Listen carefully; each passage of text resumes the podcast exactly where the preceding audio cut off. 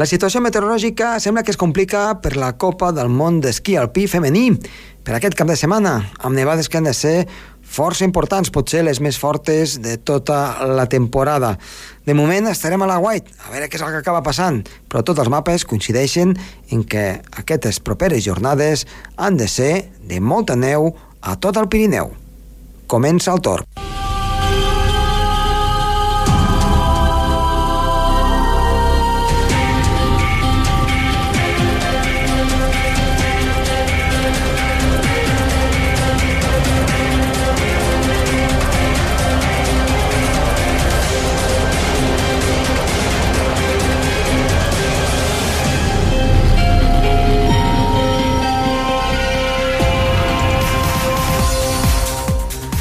Bona tarda, moltes gràcies per estar amb tots nosaltres. Ja ho han sentit el cap de setmana, doncs, a l'alta muntanya. Atenció amb aquesta situació meteorològica que pot portar nevades importants i també a cotes baixes, per tant, estarem força divertits meteorològicament parlant.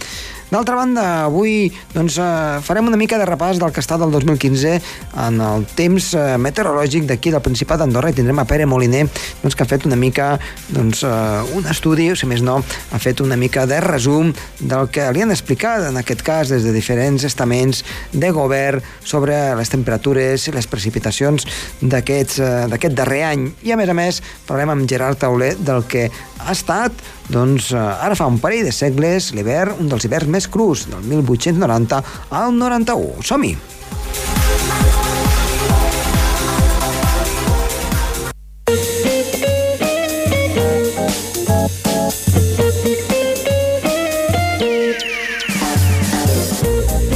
Sintonia que ens marca una mica l'efemèride meteorològica o doncs, aquell lloc històric o aquell lloc doncs, eh, curiós del que és la meteorologia arreu del món i també del clima. Per això teníem amb nosaltres a Gerard Tauler. Gerard, molt bona tarda. Hola, molt bona tarda, Josep Tomàs. Doncs, Gerard, a veure, aquesta setmana que ens portes? Quina curiositat del món mundial, per dir-ho així? La científica Vostok, el lloc més fred de, del món que està a l'Antàrtida. El lloc més fred del món, a l'Antàrtida? Sí. I és l'estació de Vostok. Sí, és russa. I la temperatura mínima és de 93 graus sota zero, que no fa gaire, l'Antini, el mes d'agost del 2010. Mm -hmm. Déu-n'hi-do. Sí, sí.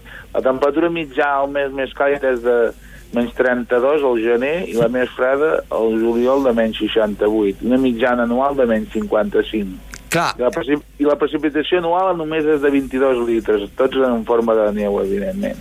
Um, quan parles de... A veure, perquè els nostres oients no, es, no es facin una mica un enredo, um, parles de que, evidentment, estan les estacions canviades respecte al nostre hemisferi i, per tant, el nostre hivern és el seu estiu i el nostre estiu és el sí. seu hivern, no?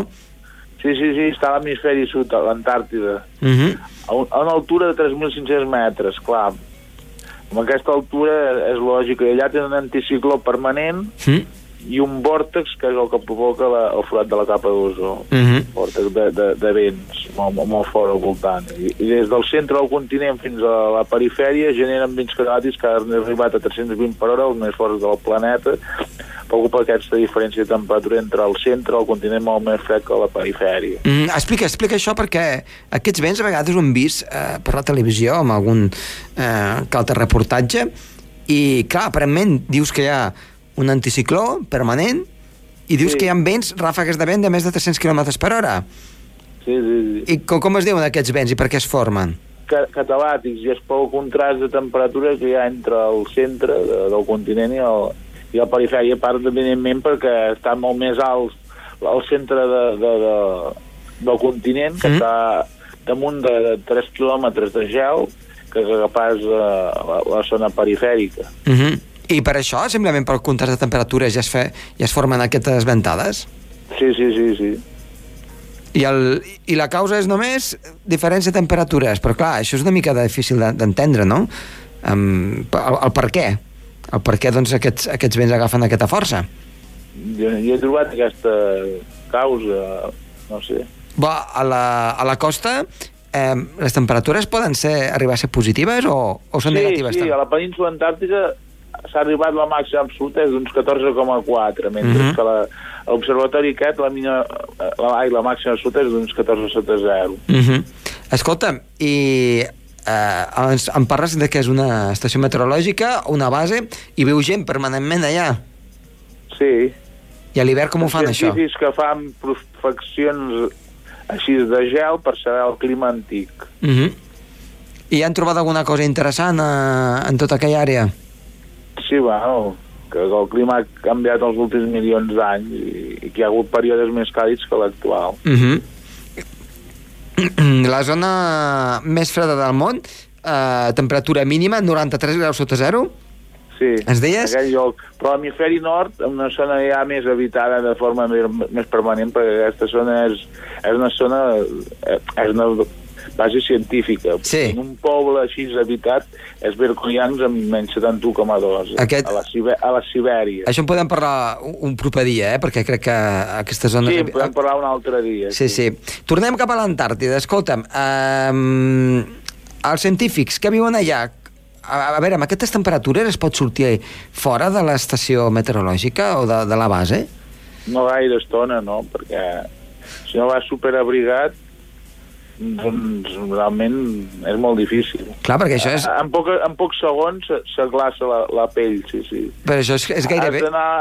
Has d'anar doncs, dins de, de vehicles especials, perquè realment la temperatura són molt i molt baixes. Eh, això és una mica gairebé temperatura de, a la a qual es pot començar a liquar eh, el CO2 o doncs, algun altre, Sí, sí, sí, sí. algun altre gas. Per tant, allò és que puguis respirar se't pot, mm, et pot congelar els pulmons directament, no? Ja ho crec, ja ho crec. Eh? Diuen que ja a partir dels 40 sota 0 hi ha risc de congelació de la pell, doncs imagina't amb 93 sota 0, realment. Sí, sí, és, En espec condicions duríssimes. és espectacular, no? I no hi havia hagut mai cap registre com aquest? Abans el registre era de menys 89 sota 0 l'any 1897, em sembla. Per tant... Eh, Aquest registre, clar, és el més Per- recent. Sí, per tant, això que... Clar, di... Digues, La, digues. la sèrie tampoc és molt llarga, la sèrie històrica. Comença les dades del 1900, el 1957. O sigui, deu ser l'any 1987, no el 1897, Mhm. aquest, aquesta temperatura més baixa. Uh -huh. Per tant, això d'aquesta, fent cada cop més calor, no és a tot arreu. A zones sí i a zones no. Sí, L'Antàrtida... Aquestes zones parlen de que l'efecte albedo i la quantitat de, de, de nits serenes és un lloc de, dels que tenen més hores de sol, són informat a la Wikipedia, 3.600 hores de sol a Mhm. l'any. Mhm. Comparable, per exemple, al desert del Sàhara, al desert d'Arizona, Sí. fa que la, les nits pugui perdre molt, molta calor. Uh -huh. El terra, el terra congelat, escapa molt la calor i pot refredar-se molt la temperatura. I parlaves de que hi havia 22 eh, mil·límetres de precipitació en forma de neu. Sí, perquè com l'aire és tan sec pot contenir poc vapor d'aigua, per això la precipitació és tan escassa i sempre en forma de neu, però evidentment les temperatures sempre són negatives. Per tant, alguna, alguna borrasca hi arriba o és precipitació? Saps a vegades que, que veus, per exemple, cap a Lapònia, que està el cel serè i, pre i, Sí. i precipiten cristalls de gel no saps de, de on, no? Sí, sí, deuen ser precipitacions iguals que la Pònia, sí, dins del serè, perquè realment No hi arriba cap en aquesta borrasca. zona hi ha, hi ha un anticicló permanent, i, igual que a Sibèria a l'hivern. Sí. I allí és permanent els, tots els dies de l'any, no, no hi ha cap canvi estacional ni, ni cap pertorbació que pugui doncs, fer En variar. aquesta zona al centre continent, no, a la, a la perifèria sí que pa passen les, les borrasques molt i molt profundes. Uh -huh. Uh -huh. I una cosa, um, al llarg de l'hivern com, com poden sobreviure aquesta gent? Perquè clar, no et pots moure d'allí o no pots sortir perquè és, a més és, és negra nit, no? I per mi que porten el, el menjar des de des d'aquí, de, dels països de- d'origen, perquè allà no, no en pots conrear, com no sigui dins de la base, uh Ahà. en condicions així protegides, perquè evidentment a fora és impossible de conrear amb aquestes temperatures No, clar. tan negatives, vull dir, no, no creixeria res. A poca estona estaria tot congelat, fins i tot a l'estiu. Sí, sí. Recordem que la mitjana a l'estiu és de 28 sota 0. Mitjana. Molt més baixa, fins i tot que pel nord durant l'hivern. Uh -huh. I això es deu, a part, a l'alçada, a l'efecte albedo, i, i que és un continent, no? Perquè, clar, amb un, Sí. Al, al Pol Nord, a ser un, un mar glaçat, potser no, no fa tan fred com, com un No, lloc on... clar, i més rap la, la corrent del golf, també suavitza la temperatura. Mm -hmm. sí. Gerard, doncs eh, moltes gràcies per la teva anècdota meteorològica. T'esperem la De setmana res. vinent. Molt bé, fins la setmana vinent. Adéu-siau. Que. Adéu. Adéu, adéu. El torn amb Josep Tomàs.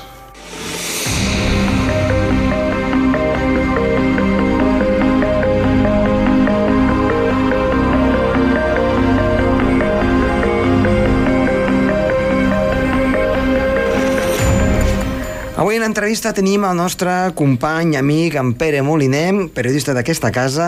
Pere, molt bona tarda. Bona tarda.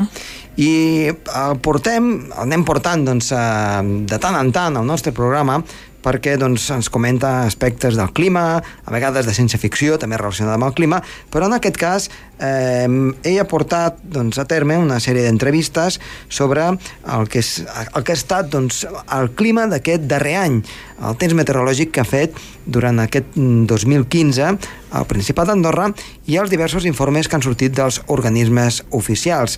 I en aquest cas, en lloc de preguntar directament als organismes, com ja hem fet doncs, abastament en, en els nostres medis, el que volem és preguntar-li just al periodista quin és el seu punt de vista del que li han explicat i així doncs tindrem una visió de com ho veuen les persones de peu, que de fet els periodistes el que sempre proveu de fer és explicar-ho de la manera més planera possible perquè tots ho puguem entendre. És així, no? S'intenta, s'intenta, tot i que tots som conscients, o hauríem de ser conscients de que és una ciència tan complexa i en realitat tot és tan complex que el nivell d'errors eh, s'intenta que sigui el mínim possible, però tot i així existeixen i són molts. Els mitjans de comunicació no deixen de ser un mirall de les altres persones i els errors que cometem els mitjans de comunicació, parlo dels errors no intencionats, doncs eh, diguem que les fes de rata, si existissin a la televisió i a les ràdios, estarien encara força plenes. Anem a parlar de, precisament d'aquestes últimes notícies que deies. El, uh -huh. jo, el dimarts, Uh, per una pura coincidència, eh, simplement m'agrada mirar les webs uh, d'alguns organismes públics per veure quines notícies es poden treure, normalment res, però en aquest cas el dimarts mm, va coincidir que vaig veure que s'editava uh, el butlletí climàtic eh, que fan conjuntament tant el, cent el CENMA, el Centre d'Estudis de la Neu i de la Muntanya, com l'Oficina de l'Energia i el Canvi Climàtic uh -huh. de, de Govern, Sí. i que a més va coincidir, perquè va ser coincidència, que fos el mateix dia en què ho vaig mirar jo. Bé, el resultat és que l'estudi d'aquests dos organismes les medicions deien de que les temperatures d'aquest 2015 havien estat més càlides del que és habitual. Nosaltres vam fer aquesta notícia i després vam decidir desenvolupar una miqueta més, amb la qual cosa vam, vam entrevistar uh, una tècnica del SEMMA i un tècnic uh, de l'Oficina d'Energia i el Canvi Climàtic que ens van explicar això, que en els últims anys havia les temperatures eren més càlides del que era habitual de la, del període estudiat eh, agafat com a model que seria de 1971 al 2000 uh -huh. i eh, una de les tècniques ens va comentar una cosa que no és massa novetós eh, per a les persones que es mouen en aquest món però que vist des de fora a mi em va xocar i he de reconèixer que sospito que a molta més gent eh, li va sorprendre Mm -hmm. Sí, clar, a, a nosaltres, perdona, eh? és clar, el, que, el fet d'aquesta entrevista és una mica doncs, el, el que he explicat al principi. Eh, no tant el que diuen els tècnics, sinó com arriba el missatge. Per això, doncs, diguem-ne, eh, et faig una mica de portaveu d'aquest missatge per, per, inclús per, per, per nosaltres, els, els que som més tècnics en aquest aspecte, per veure doncs, si arriba bé aquest missatge a la població. Aleshores, eh, estaves explicant una mica que et va sorprendre. Em va sorprendre perquè eh, fent una mica de broma, però parlo més seriosament, podria dir que hi ha dues tendències en els mitjans de comunicació. Eh, hi ha més, però bàsicament es podrien reduir a dues. Pel que fa al canvi climàtic, en realitat per tot. Uh, una seria oh, el canvi climàtic portarà con conseqüències catastròfiques i, és a dir, ser el més sensacionalista possible, uh, delirant dient, dient, bueno, en 30 o 40 anys al pas de la casa hi haurà palmeres i els, els lleons podran passejar perquè la temperatura haurà pujat tant i d'això, això seria una exageració eh, tot i que algun mitjà de comunicació o més d'un o algun periodista més d'un ha caigut en aquesta temptació o similar. L'altre seria pues, ser escèptic i dir escèptic i dir exactament el que diuen uh, les teves fonts i no anar més enllà. Uh -huh. És a dir, entre l'avorriment i el sensacionalisme salvatge.